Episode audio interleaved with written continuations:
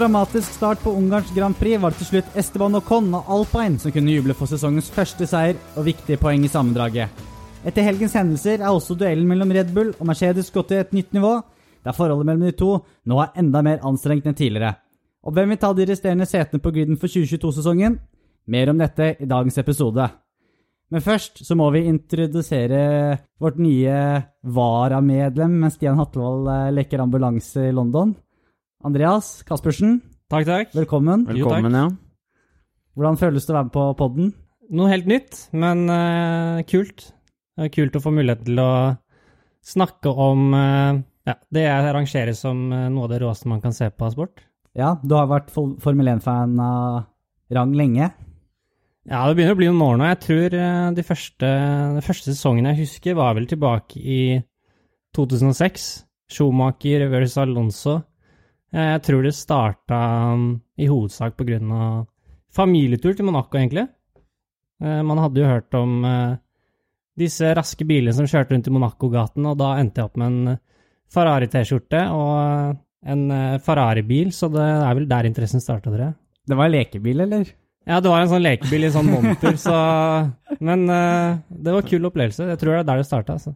Så du er en av de som ikke har blitt fan av Formel 1 etter Drive to Survive, altså? Ja, jeg er en av de som starta før, men uh, derfor har det vært kjempeinteressant å se hvordan interessen har bare eksplodert etter at den serien kom. Kan vi spørre hva er eh, favorittlaget, eller førerne? Vi Nei, jeg kommer jo ikke noe utenom Ferrari, da.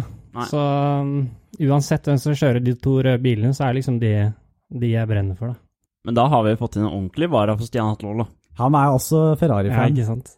Så det Det er bra. passer egentlig perfekt. Ja. Alle er et skjult Ferrari-fan, vet du. Ja, men alle er jo egentlig det. Ja. Det var jo veldig mye som skjedde denne helgen også. Eh, vi kan jo starte med kvalifiseringen. Det var jo en del diskusjoner der etter kvaliken om eh, Hamilton og hans eh, trege outlap. ja, det var jo da Mercedes og Red Bull skulle gjøre sitt siste forsøk i eh, Q3. Bottas først, så Hamilton, så Verstappen, så Perez. Og eh, hvor det var mange som eh, sa at eh, Bottas, og kanskje spesielt Hamilton, han kjørte veldig, veldig sakte. Og dette gikk jo utover Perez, som ikke rakk å sitt, gjøre sitt siste forsøk. Det hadde ikke så mye å si, kanskje, til slutt. Men det ble da buing på Hamilton etter løpet, og Eller etter kvaliken.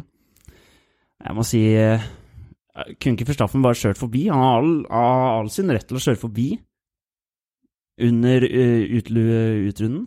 Nei, men jeg tror det handler om at uh, hvis han hadde prøvd, så hadde ikke Hamilton sluppet han forbi. Uh, jeg tror det var bevisst kjøring av Hamilton for å roe ned farten, samtidig som uh, Verstappen da sleit med å få varme nok hjul til å sette en rask nok tid på slutten. Mm. Så um, jeg tror uansett om han hadde prøvd, så tror jeg ikke han hadde kommet forbi, rett og slett. Med det så tok jo Hamilton og Bottas eh, 1-2-plasseringene på fronten av griden før løpet på søndagen. Det, en, det var jo et Grand Prix det lukta krutt av eh, på forhånd, med de to Mercedesene på medium, Verstappen på soft. Så hadde ikke det så, mye å si til slutt, for det ble regn og gjorde det enda mer spektakulært. Og jeg hva kan jeg si, Bottas Han eh, skapte jo eh, fyr på det løpet her med å ta ut eh, først Norris, som går inn i forstappen. så treffer Bottas Peres igjen. Og dermed er det rødflagg, og kaoset er i gang. Så jeg vet ikke, jeg hadde en sånn skuffende følelse etter det. Det blir jo alltid litt sånn Selv om det er alltid litt morsomt å se på krasj, så blir man sånn, alltid sånn åh, rødflagg igjen, det er så lenge venting, ikke sant? Eh, men det virket jo som, for min del, at Bottas ble veldig stressa når han ble passert både på høyre og venstre side. Og igjen da, så gjør Bottas en helt elendig start. Ja, Altså- det har vært et gjentagende problem lenge nå. Jeg tror uh, Han virker ikke som han finner ut av det heller. Han har Nei. slitt med det lenge nå. Og det skjer nesten gang på gang, i hvert fall når han starter han, i front. han mister jo de beste kortene han har på hånda i forhold til å få sete neste år fortsatt i Mercedes, da. Ja, han, altså han, man kan også se det, han gjorde jo en megajobb for Mercedes, da. Å ta ut begge Red Bullene og Norris. Altså, jeg tipper Christian Horner tenker selvfølgelig, det er nesten spill for galleriet, ikke sant? Men er- ja, han havner i en vanskelig situasjon. Han har Norris rett foran seg. Han får jo ikke den downforcen han vil ha. Bremser eh, ja, eh, bare feilberegner rett inn i. Eh, Altså, det skal jo veldig lite til da, når det er såpass vått inni den svingen, da. mm. Eh, det er jo bare kjedelig at det nesten hele teten ryker, da. Mm. Altså selvfølgelig, det er alltid, det er alltid gøy å se nye personer vinne, da, men eh, man tenker litt sånn åh, det er jo kampen mellom Førstappen og Hamilton eh, man gjerne vil se, da. Det er akkurat det. Når Latifi kommer oppå der på sjette, og så klatrer enda lenger opp etter det, det er jo nesten ikke til å tro. Men eh, etter rødflagget, da, og flere førere som må bryte løpet, så blir det jo en stående start. På utrunden før den stående starten så finner alle lagene utenom Louis Hamilton på at eh, nei, nå skal vi bytte fra intermediate til uh, slicks. Og fikk en veldig rar uh, opplevelse med å bare se Hamilton på starten. Ja, det har jeg aldri sett før. Uh, Det var ekstremt spesielt. Samtidig som det er lett å kritisere Mercedes, da, men når Hamilton også ligger først, så er det han som må ta den første avgjørelsen på Ja, om han ja, skal det gå er det jeg ikke. skulle også til å si. Altså, Verstappen kan jo ta utgangspunkt i hva alle andre gjør, siden han ligger f.eks. på 13.-plass. da. Ja. Mm. Men Så- eh, en ting var hva vi så med Hamilton på start, eh, mål langs siden, men eh, på, i griden, det var jo helt kaos. Ja, altså eh, Russell måtte jo eh, slippe seg ned syv posisjoner, for eh, Williams er jo De er ikke så dårlige på å bytte dekk, Nei. faktisk. Så han gaina jo ganske mange plasseringer der. Og jeg kom til å tenke på om Hamilton også hadde bytta dekk. Da hadde, hadde vi hatt fem lys der som eh, gikk på og skrudde seg av, og ingen biler utenfor griden. Alle inne i pit. Jeg holdt på å le meg i hjel da bare var Hamilton der. Um, og så det, er, det er også det, det du sier, at han ligger først. Mm. Og så er det det at det ble så fort tørt. Det, det skjedde jo på 1, 2, 3 omtrent, da sola kom fram. Ja, for det var jo veldig varmt i Ungarn Mm. denne dagen. Mm. Men Russell sa det jo på utrunden at han sa alle, Alle går kommer til å eh, gå inn. Eh, og det er litt morsomt at vi hadde det her på Ungarn, for det var jo litt det vi hadde i fjor. Sånn eh, nokså lik situasjon med Has, som eh, gjorde et eh, mestertrekk der. Eh, de fikk jo en straff eh, fordi de eh, fikk da eh, Hva heter det? Beskjed på en måte av ingeniøren sin om å gjøre det, og det er ikke lov på den formasjonsrunden. Så dette hadde jo de lagene lært ganske bra av. Eh, det var litt gråsone der, kanskje, men Men du så jo også at Giovinazzi gjorde det jo på den ordinære starten, og byttet Mm. fra intermediet til Slikstad. mm, Eh, nå kjørte de inn igjen, selvfølgelig, da. Men eh, Men da tok han avgjørelsen selv, han sa det jo på radioen. Vi Ja. bare tar og gambler. ja. Mm. Og når de har det røde flagget, ikke sant, så har de jo god tid til å på en måte prate sammen og planlegge at Ok, du ser hva som er lurt, vi er klare til å pitte hvis du vil.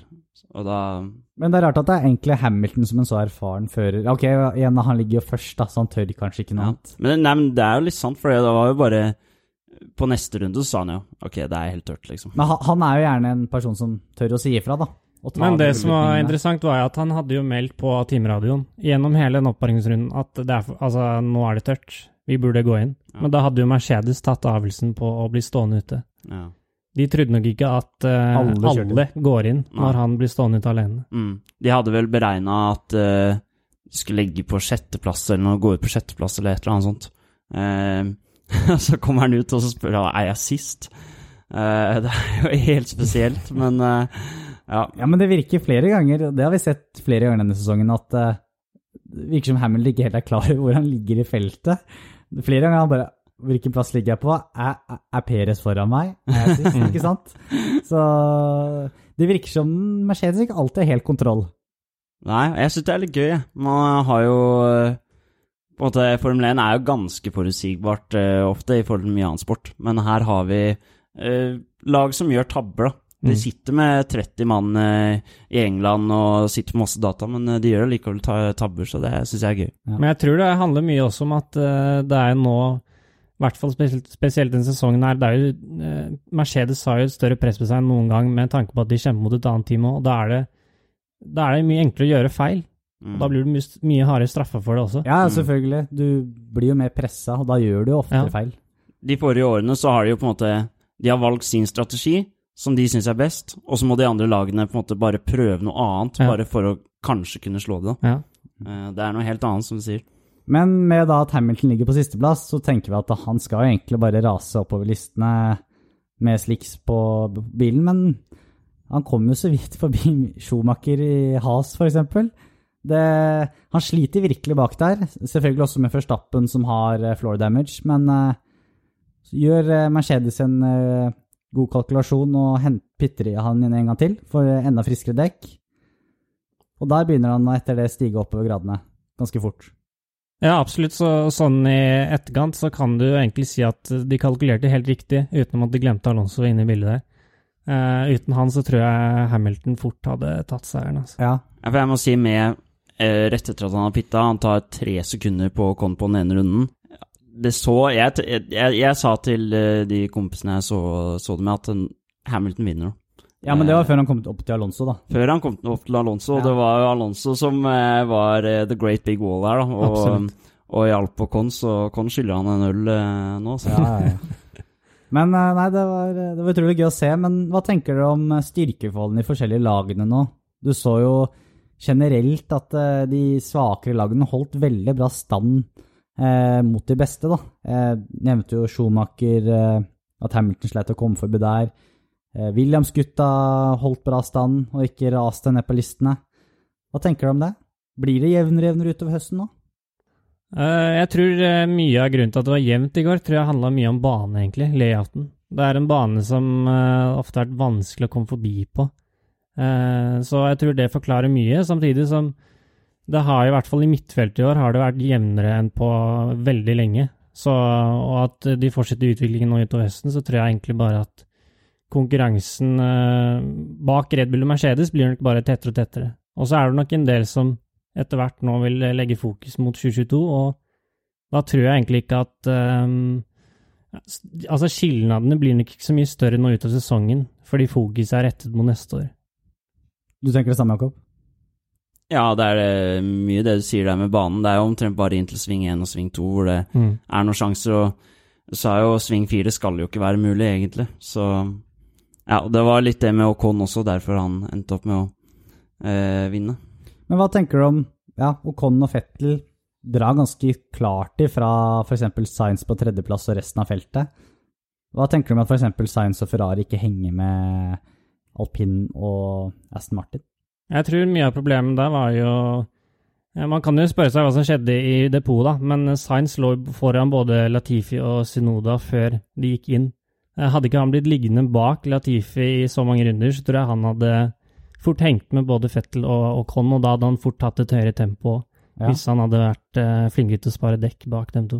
Jeg tror man kunne se også tidligere på øh, denne helgen at øh, det her var ikke helt Ferrari sin helg heller, og da Man har jo sett at de er soleklart øh, tredje-fjerdeplass oppe der ved McLaren, og der var det ikke øh, denne helgen. Så hvis ikke så hadde han sikkert uh, sust forbi de. Hva tenker du? da? Håkon vinner, blir pusha egentlig av Fettel fra runde fem, som han leder og helt i mål. Solid, gjør lite feil. Jeg syns han eh, imponerer, spesielt med tanke på at han har en fire ganger verdensmester bak seg i samtlige runder uten å, å gjøre en egen feil, og, og det er imponerende. Eh, han har jo ofte, eller han har jo blitt snakka som et stort talent nå i mange år, og det er jo fort eh, nå som han signerte en langtidskontrakt med alpin, at han virkelig viser hva han er god for. da. Ja, han blir jo pusha lenge av Fettel, og Fettel hadde kanskje litt bedre pace, så det ut som. Eh, og de klarte heldigvis å, å motstå de på um, pittinga underveis der. Og jeg, jeg tror kanskje på en annen bane så hadde Fettel endt opp eh, med å vinne den her. Ja. Men uh, man må jo bare Nå er vi jo på den banen her, da, så da blir det jo sånn. Ja, ja, ja, vi må jo bare hylle Ocon også. og Det er jo Altså, du, du, ser jo, du ser jo selv om det er vanskelig. Det er jo mulig å kjøre forbi. Det er mulig. Det er uh, Ja, absolutt. Men jeg tror problemet er at uh, Ja, man kan jo si det, men jeg tror også problemet er at alpin og Aston Martin er for like. Ja. Skilnaden på bilene er ikke stor nok til at, at Fettel klarer å utnytte en fordel med at han egentlig er raskest, da, med å komme seg forbi. Jeg føler sånn Ocon det er jo litt samme som Gasli i fjor, og, de seierne og Peres, hvor det på en måte er noe veldig overraskende. Ja, De kommer jo som resultat av at det er kaos, da. Ja. Ja, helt klart. Men jeg på en måte føler er litt mindre eh, ekstase over Ocon sin seier enn de andre. Mm. Og det er nok bare fordi Ocon er eh, Han er et stort talent, han er en fin fyr, men han er nok kanskje ikke den største profilen. Han er litt sånn eh, En av de mer anonyme i feltet, da. Så jeg føler nok eh, Ja, det er, det er litt sånn der eh, det er ikke full ekstase over den Ocon-seieren, kanskje. I tillegg så hadde man ikke Det eneste det løpet her manglet, da, var en sånn intens kamp uh, i teten hvor det bytter leder støtt og stadig, da. Uh, det var det ikke her. De filma nesten bare Hamilton og Alonso hele veien omtrent, og lenger bak, da. Uh, Det var jo Men ja. rått å se Hamilton og Alonso da, krige der. Det var høydepunktet. Ja, det var rått. Det er lenge siden man har sett Alonso så steinhard i svingene der. altså. Ja, ja. Først Hamilton mot eh, Schumacher, så mot Alonso. Det er noen store navn der, da. Store etternavn.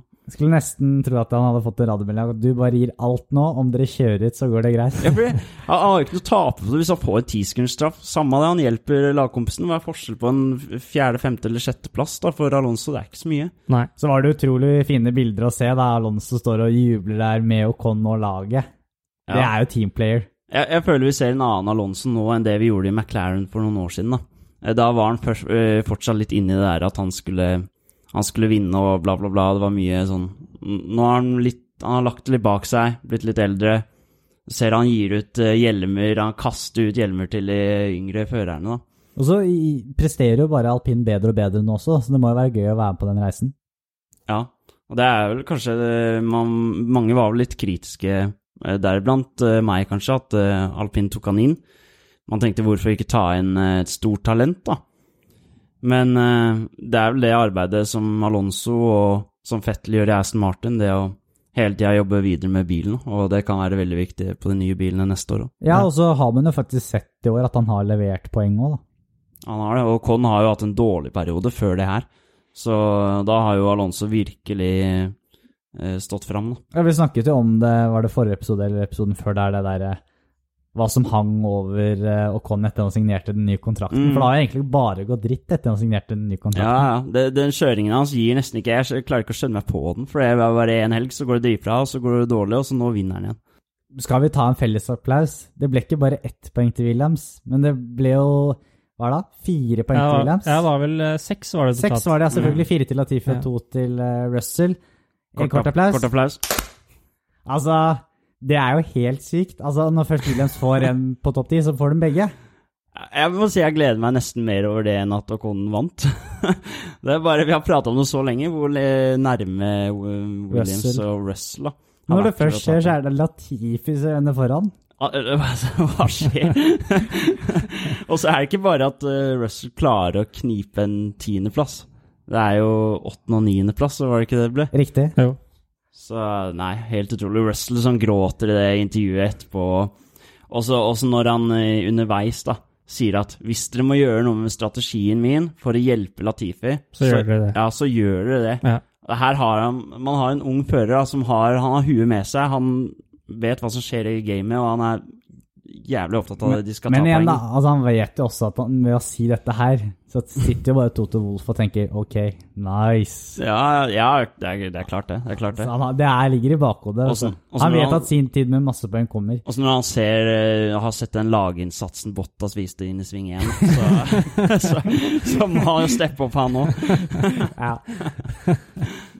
Men eh, uansett, da, det er utrolig morsomt å se da, at William skårer poeng. Det er vel 2017 er vel sist? Ja, det begynner å bli noen år siden nå, altså. Det- Så, Var det ikke ett poeng til Kubica i 2019 Ja, i Hockenheim? Jo, når du sier det, så tror jeg det var det. Og alle sklei ut ja, og hvis det Ja. ikke ble fratatt, men det husker jeg ikke. Men, nei, eh, du, du, har, du har rett. Han fikk ett Poeng. poeng. Ja. Men det er jo det vi har prata om eh, før i poden. I Østerrike, da han eh, fikk 11.-plass, hvor Alonso gikk forbi han. Williams de trenger bare litt tur. Ja. Det er det. Og det har, i fjor òg, det var jo noen løp hvor nesten halve griden røk ut, men da røk de også ut, ikke sant. Det trenger bare litt tur. Jo, så, du har jo sett flere ganger med Russell, da, når han har vært oppi der, så har han gjort feil som gjør at han har dettet ned utenforpoengene eh, mot slutten. Men det klarte faktisk begge Williams, Williamsene å holde seg unna nå, da. Ref eh, Imola, For eksempel. hvor han lå på tiende og ja, og krasja inn i veggen. kjørte den rett Ja. inn i veggen. Tok en Grosjean. Ja, tok en grosje. Uansett, utrolig morsomt å se både Williams og Ocon eh, skåre gode poeng. Eh, en som ikke fikk noe poeng til slutt, var Sebastian Fettel. Disket pga. fuel sample issue. Det er også noe man ikke ofte ser. Ja, nei, det, det lå litt i kortene, egentlig, når han eh, Parkerte bilen Ja, stoppa halvveis. midt på banen eh, mot slutten, så det lå litt i kortet at eh, han var jo også etterforska før løpet, også med Science, i forbindelse med det med Science var jo etterforsket eh, for noe annet, da, men at de da hadde noe mistenkelig angående fuelen. Så de hadde nok en mistanke selv mot slutten at de lå litt dårlig an, og da måtte de spare det de kunne. Og det er jo det at Men kunne han, idet han gått over mål, bare stoppa der? Ja, han kunne vel det. så Ja, det kan han jo, men det er jo en viss fare også for de som ikke har kommet seg over Ja, han hadde sikkert fått straff pga. Ja. det i siden, vet du. Det er det. Og så er det det at eh, Fia sjekker jo noen biler etter hvert løp med, med denne drivstoffet. Yes. Ja. Eh, men de sier at hvis noen biler stopper fordi de ikke vil eh, ta sjanse på å bruke opp all fuelet, Ja, så kommer de til å sjekke den bilen. Ja. Og det var det som skjedde nå, da. Men de måtte nok eh, prøve å være mest mulig på den sikre siden, tenker jeg, for at de valgte å stoppe. Dette skjedde jo med Dan Ticktum eh, i Formel 2 i fjor, på Monza. Da vant han jo, så ble han fratatt igjen. Feira på podiet og alt sammen. Han kom jo inn Han ble plukka opp med Mercedes, da, som kom inn og kjørte foran det der nummer én-boardet på podiet der. Nei, igjen, altså Et løp som har skapt mye kontroverser. Og med dette løpet her så klatrer jo faktisk Louis Hamilton forbi Max Verstappen i sammendraget, Jakob. Du har vel lista foran deg? Det har jeg. Det er da Louis Hamilton har eh, 192 poeng. Max Verstappen har 186 poeng. Eh, og så er det jo tav bak til resten, hvor Landon Norris fortsatt har eh, tredjeplassen med 113 poeng. Bottas 108 poeng. Perez 104 poeng. Så stor kamp om førsteplassen og tredjeplassen. Med det har vel også da Mercedes gått forbi Red Bull i konstruktørmesterskapet? Det har de. Der er det også jevnt. Mercedes har 300 poeng. Red Bull har 290 poeng. Og så er det da McLaren som eh, har 163 poeng på tredjeplass, og Ferrari 160 poeng. Alpin har jo gjort et stort uh, byks nå, er oppe på femteplass med 75 poeng. Aston Martin eh, følger deretter med 66 poeng. Alfa Tauri 64 poeng. Men det kuleste her på den lista her er jo Williams, som er oppe på åttendeplass. Seks poeng foran Alfa Romeo med to poeng. Has null poeng. Ja, dette, var, dette kunne jo vært en sjanse for Has hadde fire biler til. eh, Ja, de var litt eh, uheldige der, altså, i hvert fall med Masbin inne i depotet, så Ja, Det er ikke noe Maspin kan for noe. Kan Nei. for det. Nei. Det var Alfa Romeo, det. Ja. Apropos Maspin, så dere gaven han ga Ginter sist nå, eller? Ja, ja, med den eh, Døra. døra. Det er jo ikke legende. det er litt gøy. Red Bull de har jo hatt to dårlige løp på rad nå. Eh, blir vel godt for dem med en ferie. Virka som eh, Christian Horner var klar på tre uker fri nå. Ja, det Hva kan jeg si? Mercedes som nok en gang eh, ødelegger for Red Bull, eh, kan man si, og Nei, ja, jeg tror de trenger en ferie. Ja. det virker sånn med det maset som har vært de to siste Ja, ukene om det der krasjet der. Så ja. Mercedes har klatret opp på toppen i konstruktørmesterskapet, og det har Hamilton også nå. Vår egen power ranking. Der er det vel Landon Norris som leder. Det stemmer. Vil det endre seg etter dagens uh, rangering? Vi får se. Ikke, ikke i mitt hode. Ikke Nei. ditt hode. Nei. Hvem er det dere har på tre stjerner? Uh, Jeg gir uh, en treer til Alonso, rett og slett. Jeg tror Hadde det ikke vært for han, så hadde ikke Ocon stått den, den seieren. Eh, han gjorde livet så hardt for Hamilton i de rundene som rett og slett uh, gjør at uh, Ocon får den seieren som han fikk til slutt. Ja, jeg må jo si at jeg har gått for litt kjedeligere valg, ja. Og tatt Ocon på tre stjerner, rett, rett og slett bare fordi han, han vinner løpet i en alpin, da. Uh, og så er jeg enig i at han- skylder Alonso en. Jeg har også Ocon på tre stjerner. Ja, det er et kjedelig valg. Jeg liker jo Alonso litt bedre, men um, Jeg har Alonso på to stjerner. Det er litt sånn derre Denne power-rankingen er tror jeg den vanskeligste i hvert fall jeg føler vi har hatt noen gang. Vi har jo liksom sagt at eh, når eh, en Williams kommer på topp ti, da blir det poeng i power-rankingen. ja. Eh, men det er ikke plass til begge Williams-gutta, ifølge meg. Nei, nei. Og det er egentlig helt sykt å melde det, da. Men, men er vi, siden vi er to på con Det er veldig greit når vi har tre kontra når vi har vært to de siste episodene, Jakob. Ja, det er sant. Skal vi være litt kjedelige og gi Ocon tre stjerner. stjerner? kom tre stjerner, ja. Alonso to, da, eller? Ja, han, eh, han må i hvert fall ha to.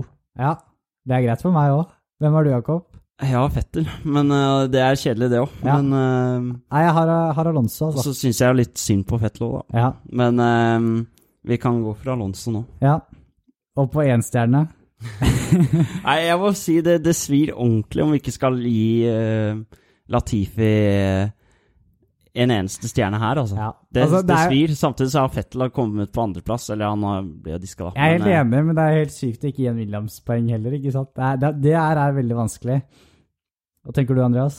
Uh, ja, jeg, det er en vanskelig helg, rett og slett, å velge ut eh, hvem som skal få det. Men jeg syns uh, Jeg syns rett og slett det Hamilton gjør når han havner bakerst og kjører så mye fortere enn de foran, gjør at han eh, Selv om han ikke står igjen med seieren, eh, så er det så rått at han fortjener en eh, liten stjerne der.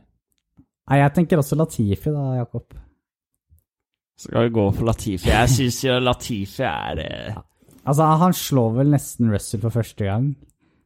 Det må- Ja, det er vel det i løpet, ja. I løpet, ja. Så det må man nesten ikke glemme, da. mm, Oppi dette, at han faktisk også får poeng. Ja. Blir Latifi, Da da. blir Latifi. Så tre stjerner til Ocon, to til Alonso, ett til Latifi. Da var jeg veldig fornøyd med min ranking, da, for det var det jeg hadde. Jeg så en sånn Twitter-side i går, og det, den gikk ut på at eh, den bare tweeta sånn, eller den het Did Latifi score points? Og det har bare vært hver helg. No, no, no. Også den helgen var det yes, da. Masse retweets og likes, da. Ja, men da, da får vi en oppdatering av lista med en ny mann inn på power ranking-lista vår. Ja, det er gøy.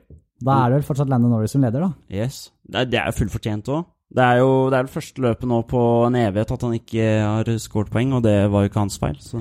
Når vi nevner ferie, han ble også spurt uh, hva, hva han tenkte på idet han brøt. Han bare Vacation. Så han virker veldig klar for ferie, han også. Dennis Hauger også kjørt i Ungarn, eh, gutta. Og levert til de grader igjen. Dra fra i sammendraget. Leder klart. Det er jo ordentlig stas, det. Eh, Det er jo da Han kom på andreplass i kvaliken, bak eh, Leclerc. Gjorde da to eh, gode løp, én og to, med disse reverserte gridene. På søndagen, som er det gjeveste løpet, så starta han jo så klart bak Leclerc. Det var regnløp, og klarte da etter hvert å ta seg forbi Arthur Leclerc på ytteren i sving to. Så ganske rått. Han leder eh, sammendraget med ja, hva er Det er vel 63 eller 65 poeng. tror jeg 63 Ja. poeng, ja. Altså, det er Det er tre helger igjen. Da. Det er han skal drite seg ut mye for ikke å vinne Formel 3-mesterskapet sammenlagt.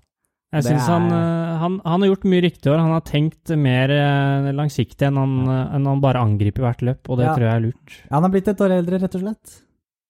Så han har vært overlegen. Og så er det jo De største konkurrentene i sammendraget hadde jo en dårlig helg. Eh, eller mange av de, i hvert fall. Med Martins, med Smoljar, Novalak, Vesti, Caldwell. Eh, det var vel bare Duen som hadde en god helg. Ja. Så, og så sammenlagtlista går jo sånn her, da, hvis jeg teller den opp fra eh, syvendeplass og oppover. 66 poeng, 70 poeng, 73, 80, 86, 89. Og så til Hauger 152 poeng. Altså, det er jo helt sykt. Det er et hav. Altså, jeg bare venter på at uh, Formel 2-kontrakten blir skrevet under, nesten. Det, Mm. alle, alle lagene må jo sikle etter han. Eneste Ja, det er skal mye til nå for at han ikke havner der. Altså. En så god fører kan, kan ikke ikke havne i Nei. Formel 2. Det går ikke. Nå har jo Prema et team der òg, så kan jo hende han får sjansen der. Ellers så har jo Red Bull nok av makt til å få han inn i et sete i Formel 2. Ja, det er det jeg også tenker, da, men at han er så overlegen, så må Red Bull ville pushe han litt mer opp. Ja, jeg Ja. tror Red Bull og Harald Loismann sammen klarer å få han i et bra team. Og om han kjører for Prema neste år, er ikke sikkert med det båndet de har til Ferrari. Men eh, Hightech gjør det jo bedre i Formel 2 enn Formel 3. Men så er det det, da, at det, det gikk dårlig i fjor. Mm. Kanskje han har litt eh, sånn ja, Er ikke så keen på det. Det er ikke sikkert Hightech vil heller. Nei, jeg vet ikke. Men uh, altså, det fins jo mye andre bra lag, da. Trident og JMP og ART. Det fins flere sterke lag som hevder seg med Prema, så det er det, Ja. Han, og han, kan jo velge fra øverste hylle. Ja, nå kan han velge fra øverste hylle, og jeg tror det er nesten utenkelig at han ikke havner i Formel 2 neste år. Det er vel ikke så lenge til silly season begynner eh, i Formel 3. Det handler vel litt om når eh, disse Formel 2-førerne også bytter plasser. Nå kan det jo skje en eh, del ting nå i sommerpausen. og Nå er det jo også samme lengde pause for Formel 3, så plutselig så er det noen som har flyttet på seg i løpet av denne Altså, det er jo gjerne at Formel 1-lagene lokker sine plasser, da. Og Ja. da kommer det åpninger i Formel 2 eventuelt, da. Jeg, Ja. jeg tror jo ikke at det førere som blir typ skippa ut av laget, da, de får vel ikke det, vite det før mot slutten av sesongen uansett. Så det er vel eventuelt da Førhusen rykker opp der plasser blir ledige, da. Det kan også ta veldig lang tid i Formel 3 og Formel 2. Så, Ja, du så jo annonseringen av Dennis Hauger til eh, Prema, var jo vel januar? Februar? Ja, det var vel i februar eller noe Ja. sånt, så det tok jo lang tid. Det var vel rett før vi spilte inn podden med han, var det ikke det? mm, tror jeg. Overgangsrykter, snakker du om det i Formel 3? Tenkte å ta for oss litt i Formel 1 også. Det er som Andreas sa, med sommerpausen kommer inn, så er det ofte litt rykter og kanskje noen annonseringer og sånne ting. Ja, nå er det jo kommet rykter om at uh, Bottas uh, skal til Alfa Romeo, eller er ønsket der. Det er veldig spennende, og det er jo så klart uh, som følger av at Kimi Raikkonen kanskje gir seg. Det er vel kanskje på tide, selv om vi er veldig glad i å ha han på griden. Så eh, han er vel tidligere også ryktet til Williams, fordi det er jo forventet kanskje at Russell stepper opp til Mercedes. Jeg vet ikke, hva tenker dere? Ja, altså, vi har jo tidligere episoder snakket om connection til Williams for Bottas. Og jeg tror jo mer på det. altså Nå begynner jo faktisk Williams å levere litt mer. da. Alfa Romeo er jo mer der Williams har vært tidligere år nå. Uh, så jeg har vel mer tro egentlig på Williams, altså for Bottas. Hvis det blir et bytte, da. Ja, nei, jeg er enig i den. Jeg tror også Ferrari har jo såpass mye bånd til Alfa Romeo at de har nok litt mer makt i forhold til hvem som eventuelt tar opp for Kimi hvis han velger å gi seg etter en sesong der. De har jo et annet sete, da, hvor de har veldig mye makt, med Giovinazzi. Ja. Jeg tenker, Burde ikke Alfa Romeo kunne ha ett sete hvor de har en ringrev som kan Men spørsmål, spørsmålet er jo om, om Bottas er det riktige valget, eller om de eventuelt skulle gått for eh, Spørsmålet er om motivasjonen hans er der, å gå fra Mercedes, som er det beste teamet, til å gå til et team som han eventuelt blir en utviklingsfører. da. Altså, Men hvis han ikke har noe valg, da. Altså, Det er jo Williams eventuelt, da. Men Ja, det, det kan jo hende at han vel, eh, altså velger å trekke seg ut av Formel 1, da. Ja, Det veit man ikke. Men han er ikke så gammel, og det er nye biler neste år. ja. Jeg ja. ikke. Jeg tenker jo, uh, Vi ble jo egentlig enige om det i forrige episode når vi snakket om rykter at Russell går til Mercedes.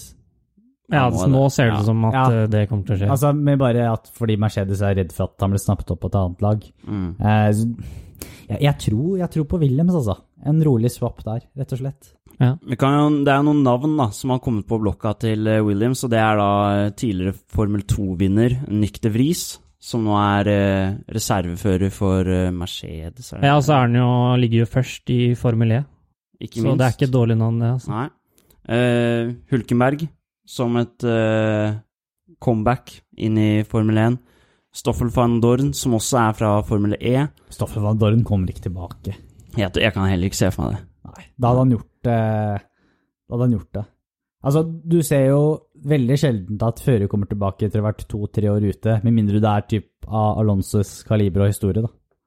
Ja. Eneste sjansen Van Dorn har, er vel om eh, Mercedes ønsker å ha et sete i Williams for en fører de eh, kan stå for, men Ja, det for tviler jeg på. Dorn er vel fortsatt Han er jo reservefører i eh, Mercedes, Ja. men jeg, jeg tviler på at det skjer. Ja. altså. Jeg, jeg ser heller for meg Nykter Vris, som Ja. er et uh, større talent, kanskje. Ja. Um, noen andre er jo Kviat. Han står faktisk på blokka til uh, Bottas. Dan Ticktum Står han på blokka til Bottas? Nei, Bo Williams. Ja.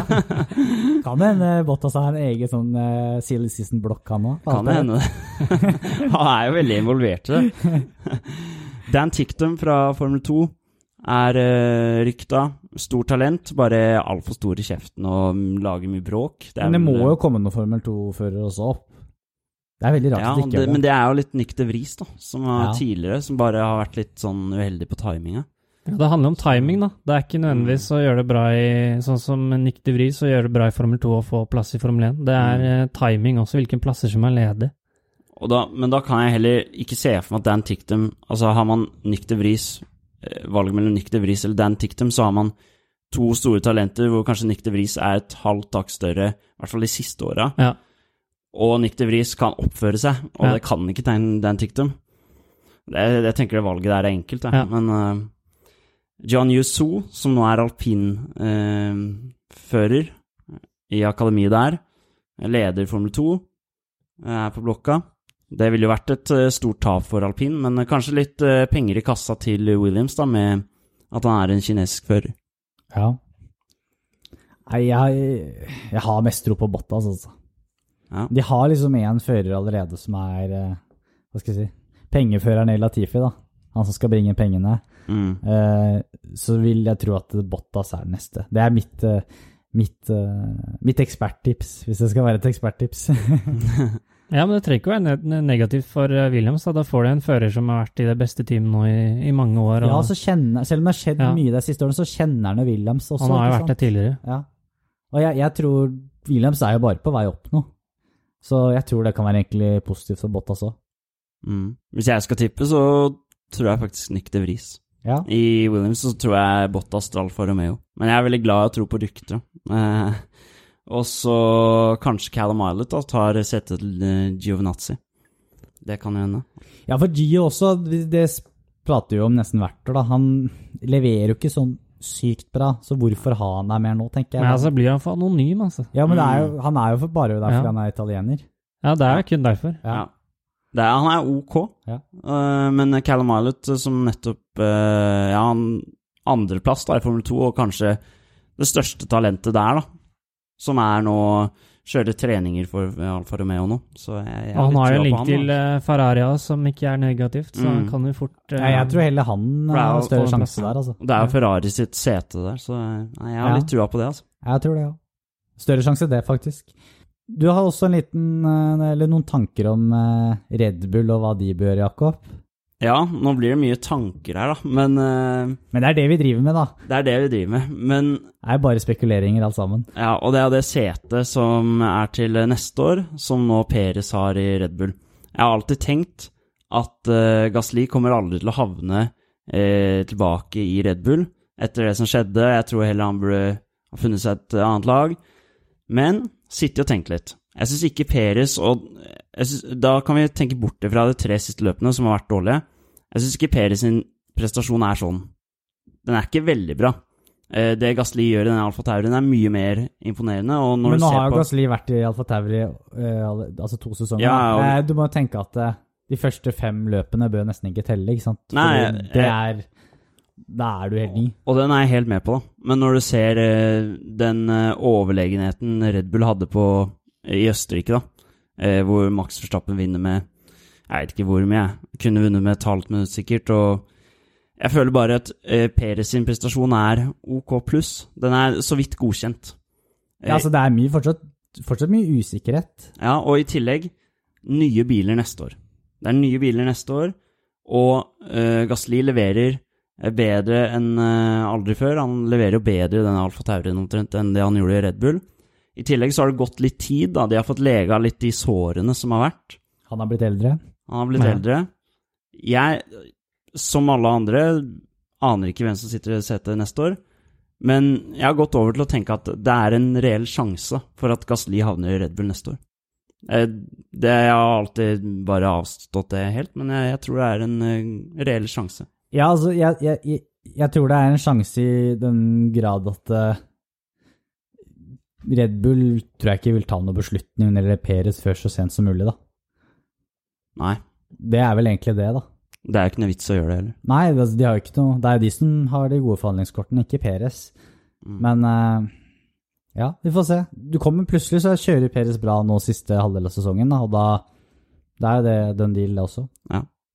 Så, Jeg, jeg har bare alltid tenkt Peres kjører greit nå. Ja. Han kommer til å kjøre der neste år òg, har jeg tenkt. Men jeg er mer mot Gasli i det siste, Ja. faktisk. Ja, gitt at resultatene En ting er jo det som har skjedd nå i det siste, da, men gitt at resultatene er bare mediocre, da, så selvfølgelig er det en mulighet. Ja. Nei, eh, jeg tror det er vanskelig for Gasli å komme tilbake igjen. Altså Han er uten tvil god nok. eh, Presterer på et skyhøyt nivå i Alfa Tauri, men spørsmålet er om Red Bull er det riktige valget å gå tilbake i nytt. Og så har du Red Bull som er opptatt av en fører som eh, som kan pushe maks og, og prestere på et bra nivå. Og Perez er jeg helt enig. Han har, ikke, han har vært OK, han har vært bedre enn Albon, men han Men det er har ikke vanskelig å ha en fører som pusher Men det viser jo Max. Det er jo egentlig bare Ricciardo tilbake i- for noen år siden som har vært i nærheten av å pushe Max, Ja. og det viser hvor vanskelig det er, da. Mm. Skal vi ta oss og gå videre til ris og ros? Yes.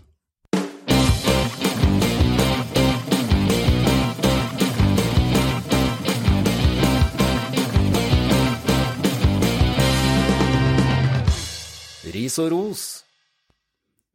Andreas, siden du er med for første gang, så skal du få lov til å starte med denne ukens ris. Ris, uh, uten tvil så går det uh, for meg til uh, Jeg har ikke noe valg enn å gi til han enn Bottas, altså. Eh, nok en gang får en så dårlig start ved, når han står på første rekke og rett og slett bommer på tangeringspunktet inn i første sving, og, og får så store konsekvenser at han kjører ut eh, Norris og begge Red Bull-bilene, og senere hvor Leclerc og både um, Maspin også. Altså, skjer, han eh, påvirker den krasjen så mye, og han har prestert altfor dårlig i år til at uh, dette var nok i punktum for hans del i Mercedes, tror jeg rett og slett. Ja. Ja, eh, min ris den går til eh, publikum på Hungaroring. Jeg skjønte bare ikke den intense buinga mot Hamilton. Jeg, jeg er fan av i lagsport, altså mm, fotball eh, og så videre. men den, den er intense buinga Nei, jeg er ikke noe fan av det. Det er så klart ok med temperatur og alt det der, men jeg skjønte bare ikke den høylytte buinga mot uh, Hamilton. Hva det kom om, om det var taktikk eller hva- det var. Det kom jo sikkert litt av alt det som har skjedd siste ukene, da, i tillegg til uh, kvalifiseringen, når han kjørte sakte. Nei, jeg må si altså uh, det er, Jeg tror den nederlandske fansen, den er de, Den er hard. Ja, den er beinhard. Det virker som Hamilton har altså, mye hate generelt, da. Ja. Så Nei, Sånn er det når det er best, Ja, jeg har også en liten sånn uh, ris til publikum for å bute Hamilton, uh, men min hovedris går til Red Bull. Uh, det er greit at det er litt sånn fire mellom Mercedes og Red Bull, og at Horner fyrer litt opp, men å hyre inn advokat i kampen for å få en hardere straff til Mercedes etter at Hamilton krasjer på Silverstone i Førstappen, og så vinner, det er litt sånn seriøst. Hva tenker du om det? Men jeg tror det Jeg, jeg syns det blir teit. Og så tror jeg et problem for Red Bull òg er at eh, jeg føler at fokuset har litt flytta over og istedenfor å prestere og gjøre det best mulig på banen. Du så det også i kvalifiseringen, at eh, Mercedes, når de har begge bilene foran, så virker det som at eh, den saken her har påvirka Red Bull i for stor negativ grad. At de har mista rett og slett den farten eller det tempoet de hadde overtaket på Mercedes. da. Så jeg tror de må De trenger den sommerpausen og legge ting litt, eh, skrinlegge ting litt og prøve å komme en ny start i spa. Ja. Men med den eh, altså låsuten her, så vil jo det bare fortsette over eh, sommerpausen, da. Ja. Men hadde, hadde de vært smarte, så hadde de lagt den saken død. Du får ikke gjort noe med det uansett. Nei. Jeg tror ikke det er mye å hente, jeg heller. Hva tenker dere? Hvem skal ha ukens ris? Nei, jeg syns vi kan gi det til publikum, jeg. Ja, det er egentlig greit for meg også, Ja. sånn hvis det er det Skal vi gjøre det, da? Ja, vi gjør det. fellesskapet ønsker. Jeg syns også det er eh, usportslig av publikum. Det er litt sånn eh, Jeg syns ikke det står i stil på Formel 1-løp. jeg. Nei. Det gjør seg på en fotballbane, syns jeg. Det er, det er, det er Men da er det jo på en Men det er forskjell å bo ut et lag og bue til en enkeltperson. Da. Ja, det er nettopp det. Ja. Hva med ukens ros? Skal jeg starte, kanskje der? Ja, start. Ja, det går til eh, Fernando Alonso. Eh, for da først å bare være the living wall of Spain eh, når Hamilton kommer. Men virkelig det der eh, gleden han viser overfor Ocon og laget etter seieren til Ocon, det var fantastisk å se. Og det ja. Hvis publikum skuffer fordi de buer, så rører Alonso Alonso hjertene våre med den idrettsgleden og overfor andre. Helt enig. Jeg aldri, Takk- takk for meg. Jeg hadde aldri trodd at vi skulle si det om Alonso, liksom, før, før den sesongen her. Han var så hissig og bitter Ja. i McLaren. Ja. Han har blitt en eh, lagkamerat. Ja. Blitt en eldre mann og Ja. fått uh, Han ser livet litt annerledes nå, vet du, etter å ha vært på utsiden i et år. Ja, litt som Fettel i år kontra i fjor. Ja. Mm. Mm. Hva med Andreas? Nei, jeg kom ikke unna Williams, altså. Jeg syns det er eh, De har kjempa så hardt i så mange år. Eh, Og så får de fullklaff når de ja, først klarer å få og så klarer begge, begge to også samtidig. Og Russell som har vært der og kriga for det teamet og fått dem framover. Og det virker også som at Latifi og Russell er en god kombinasjon. Da. At de klarer å samarbeide for å utvikle Williams eh, riktig vei. Og Ja, de er iallfall ikke uvenner. Nei, og ikke minst etter at eh, Claire Williams trakk seg som teamleder òg, så kunne man jo fort tro at eh, det ville skape mer splid, og, og at utviklingen vil stoppe opp, men de har egentlig bare blitt sterkere av det også, så kommer ikke utenom de, altså. Nei, Jakob? Jeg har uh, to ros, faktisk. Det var da til uh, W-Series-føreren uh, Alice Powell. Eh, det var jo en funksjonær som døde på Brands Hatch i Storbritannia under et billøp, og eh, hun har da satt opp et fond, eller en, en side med et fond hvor de samler inn penger til eh, familie og venner av denne funksjonæren. Så eh, en liten ros til henne der. Eh, andre ros, det er da til Det går litt i Williams-gata igjen. Til George Russell for å være en god lagkompis. At når eh, Latifi er foran her, så melder han fra til laget at gjør hva enn dere vil med strategien min. Vi, vi skal ha de poenga der. Det, ja, jeg syns det er sterkt, altså. Ukens eh, ros er vanskelig, det er mye bra. Ja, den er vanskelig.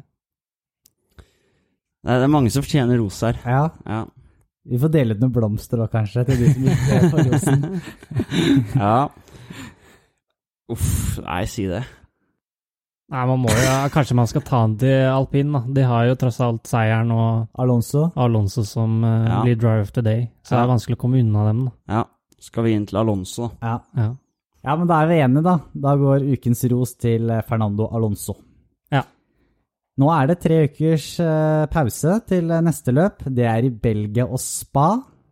Vi, hva er forventningene der? Annet enn at vi, Jakob, er der live. Ja, vi skal dit, ja. Vi er en god gjeng på åtte, nei, syv er vi nå, som skal Han ene trakk seg, som skal forhåpentligvis ned dit. Det var grønt da vi kjøpte billetter. Nå er Belgia oransje. Per nå så er det bare meg som er fullvaksinert, så det Mm. Men vi nå, har nå punga ut for de billettene og skal ned dit, og det går jo Formel 3 der også. Så vi skal jo bare kjøre fullt ut. Så dere som ser på Formel 3, må jo bare se etter en gjeng med idioter med norske flagg og vikinghjelmer og jeg vet ikke hva, men uh, Vi kommer til å være den eneste på startmål langsiden som står i rødt, hvitt og blått. Jeg Og tror det Ja, du må ha et norsk flagg der, da. Altså. ja, ja, ja, vi skal kjøre på. Uten tvil. Ja. ja.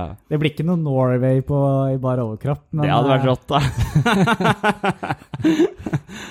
det er ikke helt lange, flate baller, altså. Nei. Men uh, når, det, når det kommer til Formel 1, da, så Red Bull har jo vist uh, veldig stor styrke på rettstrekker med Honda-motoren sin i år. Eh, samtidig så har man den midtsektoren med svinger som kanskje litt eh, minner om Mercedes-styrke, syns jeg, på de svingene. Jeg tror det kan bli jevnt, jeg. Så vanligvis så har jo dette vært Mercedes og Ferrari-bane. Ja. Og Red Bull, eh, det er jo Max Verstappen sin yndlingsbane, har han sagt. Ja, så ser du også, Det er også en bane Renault har gjort det bra på senere årene også, med bra motorpace. Ja, i hvert fall i fjor så Ja. det vel eh, bra Ricardo var høyt styrke der. oppe, så Mm. plutselig så er det enda en pallplassering for en alpin gutt. Ja, da, da ble jeg imponert. Men eh, nei, jeg tror det her kan bli jevnt, og gøy at Red Bull også forhåpentligvis kan eh, vinne på spa denne gangen. Men med de siste startene vi har sett eh, i Formel 1, der det har vært mye kaos, så kan jo alt skje inn i den første krappe svingen på startmål langsiden. Det er Ja. ikke noe mindre kaos der, nei. Nei, det, vi har jo plasser der på, på det strekket, og ja. Så det kan jo bli bra kaos. Er, gutta ser vel bak i speilet til Bottas eh, bare følg med på Bottas.